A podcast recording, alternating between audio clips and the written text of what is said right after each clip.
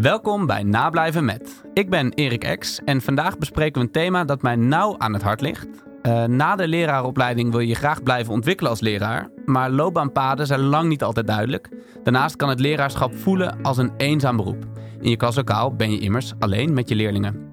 Toch kan je als leraar blijven verbeteren en je eigen loopbaan vormgeven. Ook als je klaar bent met je opleiding. Welke mogelijkheden zijn er? Hoe neem je ontwikkeling in eigen hand? Deze vraagstukken bespreek ik met Valentina David. Valentina is leraar geschiedenis en levensbeschouwing en teamleider HAVO bij het Christelijk Lyceum Apeldoorn. Daarnaast is ze auteur. Um, ze is initiatiefnemer van het cursusplatform Learn. En ze is onderwijsadviseur en veelgevraagd spreker, vooral over het onderwerp formatief handelen. Zo, super lange intro. Welkom Valentina. Dankjewel, dankjewel. Jij bent echt het voorbeeld van een leraar van mij die uh, haar eigen loopbaan vorm, uh, heeft gegeven. Um, dus ik ben heel blij dat we vandaag met jou nablijven. Eerste vraag. Uh, wat was jij zelf voor leerling op de middelbare school? Ik denk dat ik mezelf veel stoerder vond dan ik was. Als ik, terug als ik terugkijk en terugdenk. Um, ik deed eigenlijk alles best wel heel braaf, maar had ook wel een uh, grote mond, maar echt wel typische meisje. Ik wist altijd wel precies wanneer je dan meer moest ophouden, zodat je dan niet eruit werd gestuurd. Uh, en ik vond met name dat ik het altijd beter wist dan de docent, ook over het lesgeven. Toen al dacht ik, oh, dat kan zoveel anders, of die meneer doet het helemaal verkeerd. Nou ja, beetje zo. Ja. En jij dan? Hoe, wat, wat voor leerling was jij eigenlijk? Ja, Oh, Wauw, dit is eigenlijk super herkenbaar. Uh, ik was een heel uitbundige leerling, zo, uh, zo ben ik ooit genoemd door een, uh, door een docent. Um, en dat was zowel een negatieve als een positieve aanduiding, geloof ik. Um, nou, we gaan het vandaag hebben over de vraag: hoe blijf je ontwikkelen na je opleiding? Um, maar ik kan me voorstellen dat veel mensen zich afvragen: ja, waarom zou ik dan nog luisteren als ik al, weet ik veel, tien jaar voor de klas sta, vijftien jaar voor de klas staat? Um, uh, waarom zou het toch voor die mensen ook belangrijk zijn om te luisteren, denk je, Valentina? Nou ja, ik denk dat je, als je leraar bent, als je docent bent, dan is, heb je van leren eigenlijk je beroep gemaakt. Dus blijven leren, uh, jezelf blijven ontwikkelen, uh, moet dan volgens mij altijd centraal blijven staan. En of je nou 10, 20, 30 jaar of één jaar voor de klas staat, volgens ja. mij maakt dat niet uit. Ja. Ja, ik vind zelf ook, toen ik net voor de klas stond, ik weet niet of jij dat ook heb, zo hebt ervaren, heb ik heel veel gehad aan ja, eigenlijk oudere leraren die mij dingen uitlegden. En die ook ja, een soort informeel mentoraat uh, over mij hadden. En um, ik had het idee dat heel veel leraren wel een soort van impliciete kennis en vaardigheden hebben. Um, die ze in de loop der tijd verworven hebben. Maar niet zo goed dat expliciet kunnen maken. Van ja, wat is het nou hoe je jezelf kan verbeteren? Ja. Um, dus ik, ik denk ook dat dat een goede reden kan zijn. Um, Laten we beginnen met uh, jouw verhaal eigenlijk, Valentina. Dat zou ik graag willen. Want uh, ja, jij bent echt een leraar, zei ik net al, die uh, haar eigen onderwijscarrière heeft vormgegeven. Um, je bent heel erg bekend van je werk over formatief en leerdoelen. Ja. Maar hoe ben je daar gekomen? Ja, dat heeft best wel wat omwegen gehad. Daar ben ik helemaal niet meteen gestart. Ik, mijn allereerste jaar heb ik gewoon gedraaid en dacht ik, nou, ik zie wel hoe het gaat. En uh, um, ik, ik hou me vast aan de regels die hier al gelden. En uh, ik laat het maar eerst allemaal op me afkomen. En dan ontdek ik dat daarna wel. Maar ik merkte al wel eigenlijk heel snel, dat had ik me heel braaf voorgenomen, dat ik dat niet heel lang kon volhouden. Want ja, ik had zoveel vragen over dingen. Ik vroeg me zoveel dingen af. Waarom is dit zo? Waarom uh, toetsen we op deze manier? Waarom toetsen we eigenlijk überhaupt? ik vond nakijken echt enorm zonde van mijn tijd. Um, ik had het gevoel dat ik alleen maar leerlingen van toets naar toets aan het leiden was. En dat het met name stampwerk was wat ik aan het nakijken was. Tegelijkertijd snapte ik ook nog helemaal niks over hoe leren nou eigenlijk werkt. Um, heel veel dingen deed ik wel, uh, maar heel onbewust. Um, en het ja, begon gewoon heel erg te kriebelen. Dat ik dacht, is dit het? Is dit de manier waarop we moeten onderwijzen binnen deze vier muren met die dertig stinkende pubers voor mijn neus? Is dit dan... Uh, de vorm uh, waar we het in moeten gieten. Wil ik dit eigenlijk wel zo voor de rest van mijn leven? Ik had heel veel vragen. Dat en heel weinig antwoorden. Ja. En die kon ik ook niet direct vinden. Ik ging ook wel uh, aan, bij mijn collega's vragen. Maar ik merkte ook dat sommige dingen een beetje taboe zijn om te vragen. Of bespreekbaar te maken. Of, um, dingen zijn taboe? Ja, dingen over sowieso ordehouden-achtige aspecten. Er wordt snel overheen heen gepraat. Maar ook over toetsing. Als ik daar vragen over ging stellen, nou, daar zaten mensen echt helemaal niet op te wachten. Ik kreeg zo vaak het antwoord, ja, we doen dit nou eenmaal al jaren zo. En het is gewoon zo. En uh, nou ja, daar moest ik het dan mee doen. Nou, dan nam ik eigenlijk geen genoegen mee. Dus op een gegeven moment um, kwam ik via een vriendin op de. Uh, die ging zij uh, ook. had ze gekozen om een master te gaan doen. Namelijk de master leren en innoveren of learning and innovation. Nou, en toen ik daar de beschrijving van las. Toen dacht ik, hé, hey, volgens mij moet ik dit gaan doen. Volgens mij kan ik hier misschien dan allerlei antwoorden vinden. Maar ik had echt nog geen boek gelezen. Ik wist niet eens wie Hetty was. Marzano, allerlei grote namen. Ik wist niet eens wie Hetty was. Ja, nou, ja, ja, zeg. Nee, ja, dat is een, een, naam die bij heel veel scholen en heel veel docenten wel uh, uh, bekend is. Voor die is. ene persoon die misschien nu zit te luisteren en denkt, ik weet ook niet wie Hetty is. ja, zoek maar op. Hij is wel uh, licht omstreden tegenwoordig, ja, maar... Uh, of behoorlijk omstreden. Maar in ieder geval, ik wist niet wie Hetty was. Ja. En ik had echt... Groots onderwijsonderzoeker, dat kunnen we misschien ja. erover zeggen in ieder geval. Precies, meta-onderzoek. Met heel veel interessante bevindingen.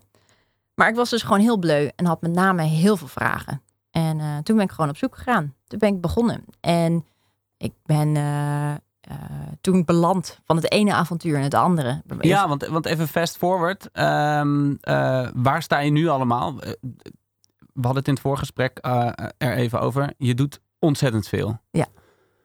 Um, wat vind je het belangrijkst?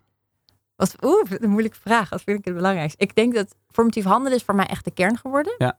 Ik merk dat je zoveel dingen, uh, als je het wil nadenken over waar goed onderwijs nou over gaat, dan kom ik heel snel op formatief handelen.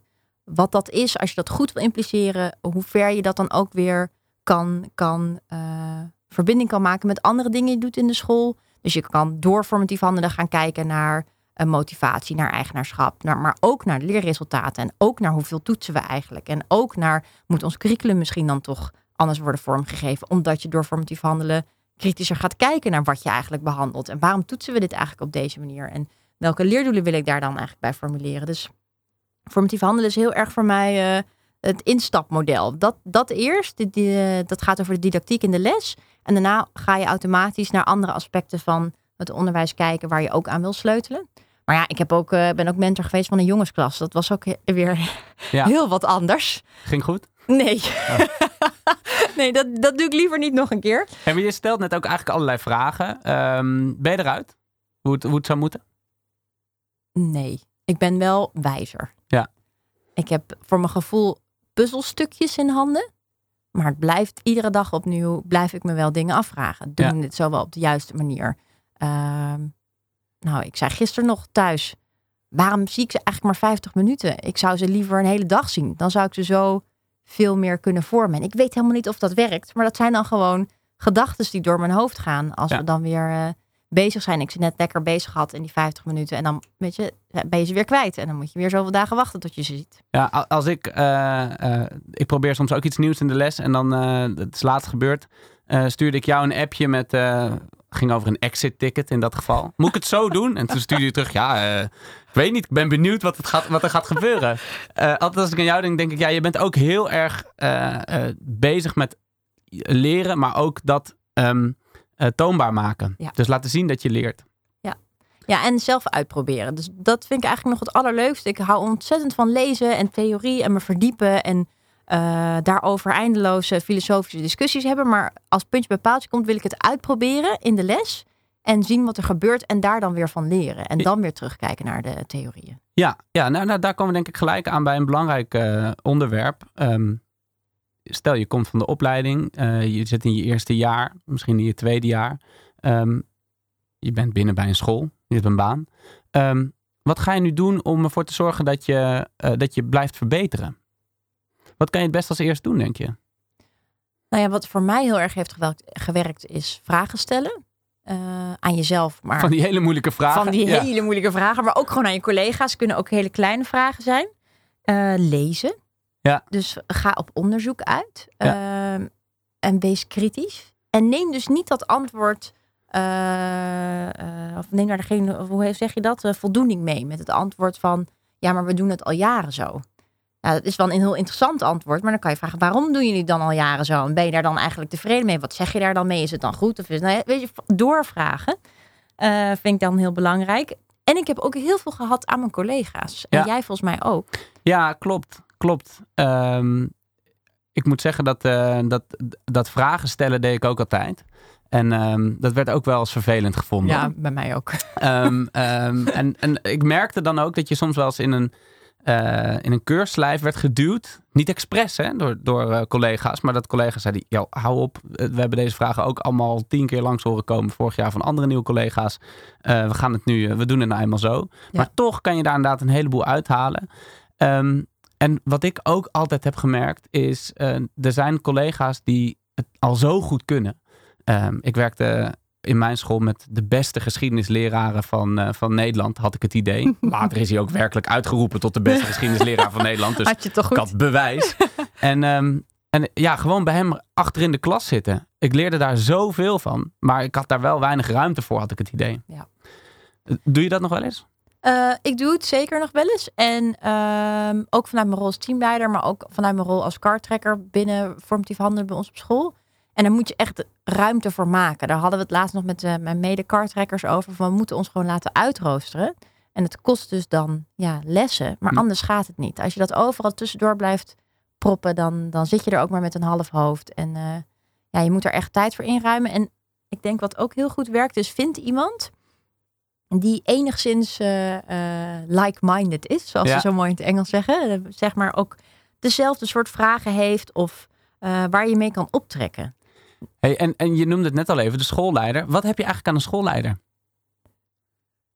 Ja, daar kan je ook een podcast over vullen. Wat heb je aan een schoolleider? Ik denk dat je. eh, ja, jij bent er één. ja, ik denk dat de schoolleider moet bekrachtigen. Ja.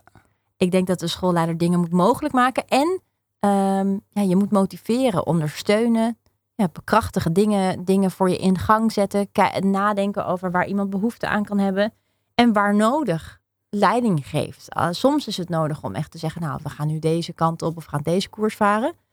Maar ik vind het ook heel, ik hou ook heel erg van het gesprek met mensen aangaan. Goed luisteren Ja. naar wat iemand zegt en bekrachtigen. Ja, ja, ik had op mijn eerste school eh, had ik altijd functioneringsgesprekken aan het begin en aan het eind van het jaar. Die heel erg gericht waren op ontwikkeling. Dus die gingen niet over de vraag, ja, wat heb je fout gedaan of iets dergelijks. Maar echt over de vraag, welke richting wil je ontwikkelen? En ehm, eh, dat mo- moest ik heel expliciet op papier zetten. En er werd ook echt gevraagd, nou, ga je cursussen volgen? Ga je dit doen? Ga je dat doen? Ehm, waar ga je op richten? Bij wie ga je kijken? Daar heb ik echt superveel aan gehad. Heb ik pas later eigenlijk bedacht. Toen de Nee. tijd dacht ik, nou, Had je het nog niet zo door? ja. Hey, en als je nou, als je nou eh, verbeteringen wil doorvoeren, schoolbreed, hè, is op een gegeven moment heb je misschien wel door van, nou, eh, in mijn klas lukt het wel. Maar als je schoolbreed eh, verbeteringen wil doorvoeren, is dat dan de beste weg? Schoolleider worden? Hmm, nee, dat hoeft echt niet. Dat was, dat was voor mijn school. Jij bent het wel geworden. Ik ben het wel geworden. En daar heb ik toen ook wel heel bewust eh, voor gekozen. En ik denk dat dat ook afhankelijk is van je context en van de cultuur en gewoon het type school wat je hebt. Ehm, bij mij op school was het denk ik het juiste om te doen op dat moment. Ehm, en ook om onderwijskundig ja, dingen in gang te zetten of dingen mogelijk te maken, maar dat hoeft niet. Nee. Het hoeft niet altijd zo te zijn. Ik denk ehm, dat wat ik zei, je moet goed analyseren van wat voor eh, cultuur heb ik in mijn school en wat is dan een goede weg om te bewandelen. Ehm, waarbij je, eh, klei- ik denk klein beginnen is altijd een hele goede. Medestanders vinden, eh, een bepaald project aangaan, een bepaalde klas. en klein beginnen en dan het langzaam laten groeien en consolideren. En niet te veel willen in één keer. Ik, ik vraag het ook omdat veel eh, leraren, ook jonge leraren, denken: ja, dat is, dat is mijn pad. Hè? Als ik nog eh, eh, iets meer wil dan alleen maar gewoon leraar zijn, Ja. ja, dan zal ik in de richting van schoolleider moeten gaan. En, ehm, en maar jij zegt dus dat hoeft helemaal niet. Je kan jezelf op een heleboel andere manieren ontwikkelen. Ik denk dat je daar het levende voorbeeld van bent, overigens. Want je bent ook schoolleider, maar je doet ook nog zoveel andere dingen. Ja. Ehm, ik wil het ook heel graag hebben over de wereld ehm, van buiten de school. Want je kan je ook buiten de school, denk ik, nog ontzettend veel eh, ontwikkelen. Ehm, jij vertelde over die master die je deed. Ja. Eh, en in het voorgesprek vertelde je me dat dat eigenlijk het belangrijkste moment was. eh, Ja. Voor jouw ontwikkeling, denk ik. ja, ik ging daar gewoon heel groen in. En ehm, die master heeft me, mijn denken heel erg gevormd. En namelijk ook verscherpt. Dus door Heel praktisch. Learning and Innovation, hoe lang duurt die? twee jaar. Eh, waar wordt het eh, aangeboden? Oh, op voor heel veel verschillende plekken. Ik heb het in Zwolle gedaan op Windesheim, maar het is- zit ook in, eh, in volgens mij in Holland. Ja. En op de hand zit hij ook. Dus luisteraars die geïnspireerd zijn, je kan hem gewoon nog steeds gaan doen? Ja. Zijn er ook andere varianten? Ja, je hebt ook SEN, Ja. eh, Special Educational Needs uit mijn hoofd. Dus dan ga je veel meer de pedagogische kant op. Dus eh, ehm, ondersteuningsbehoeften van leerlingen, gedragsproblemen, dat soort dingen. Ehm, en dan kan je dus ook binnen zorgaspecten van je school eh, groeien. Ja. Ehm, maar je hebt ook een, een eh, leiderschapsvariant, eh, Educational Leadership heet Ja. die volgens mij. Nou, en dan ga je echt naar leiding geven. Maar daar zitten ook aspecten van innovatie bij. Ja. Dus dat komt dan ook daar wel weer terug. Nou, en voor de rest, een van de andere redenen waarom we jou hier hebben uitgenodigd, is jij bent ook spreker bij ons op de Tweedaagse voor jonge leraren. Ja, klopt. Ik denk dat de luisteraar het me vergeeft als ik daar onomwonden gewoon een beetje reclame voor maak. Ehm, wa- wat vertel je daar? Ja, ik vertel daar ehm, deels ook mijn eigen zoektocht en mijn verhaal. Maar ook eh, stel ook vragen aan de docenten die daar komen over ja, wie zij zijn, wat voor keuzes ze hebben gemaakt, waar ze naartoe willen. eh, aspecten over innovatie. Ehm, maar we hebben het over van alles gehad. Eh, waartoe leiden we eigenlijk op? Kan je dat aan elkaar vertellen als je daar eh, tien minuten voor krijgt? Ehm, en dan krijg je vaak al hele leuke en betekenisvolle gesprekken. Maar ook vragen van eh, als je straks met pensioen gaat, eh, waarop kijk je dan terug? Wat voor een docent Ja, ben je dan geweest? Ja, Ja, en het scherpt heel erg je denken over het onderwijs. Hè? Ehm, voor de mensen die zich afvragen, hm, twee dagen voor jonge leraren. Twee dagen is het met jonge leraren van, die twee tot vijf jaar werkervaring hebben. We hebben goede sprekers. Ehm, waaronder natuurlijk Valentina, maar ook Pedro de Bruikeren. Eh, workshops om je visie te vormen en je loopbaan uit te stippelen. Ehm, en eh, deelnemers gaan vervolgens op bezoek eh, bij elkaar scholen. Is op 19 en 20 november. Ehm, eh, en ik organiseer dat zelf, dus daarom noem ik het maar even. Maar jij organiseert ook een paar belangrijke dingen, Valentina. Learn is iets nieuws. klopt. Kun je er iets over vertellen? Ja, Learn hebben we samen, is eigenlijk een samenwerking tussen Vernieuwende Wijs en eh, Toetsrevolutie. En eh, samen met René Knijber eh, heb ik dat opgericht. En het is een online cursusplatform voor docenten die zich verder willen ontwikkelen. Ja. En verder willen professionaliseren. En op dit moment staat de cursus formatief handelen erop.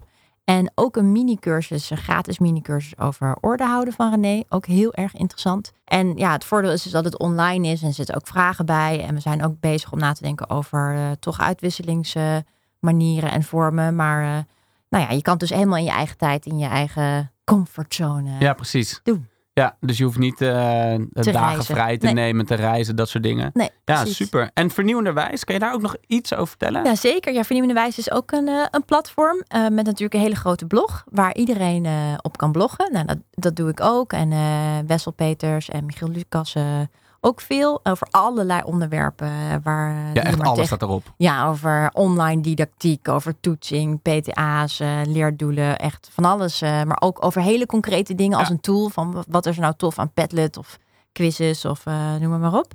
En nou ja, wij geven ook trainingen en workshops op congressen, maar ook heel veel op scholen en trajecten. Dus daar, ik hoef me niet te vervelen. Nee, nee maar, maar vooral bezoek die website, want je kan er echt superveel leren. Ja. Ehm, ja, daarnaast, kijk, deze podcast wordt natuurlijk gemaakt door Schoolinfo. En Schoolinfo maakt nog veel meer.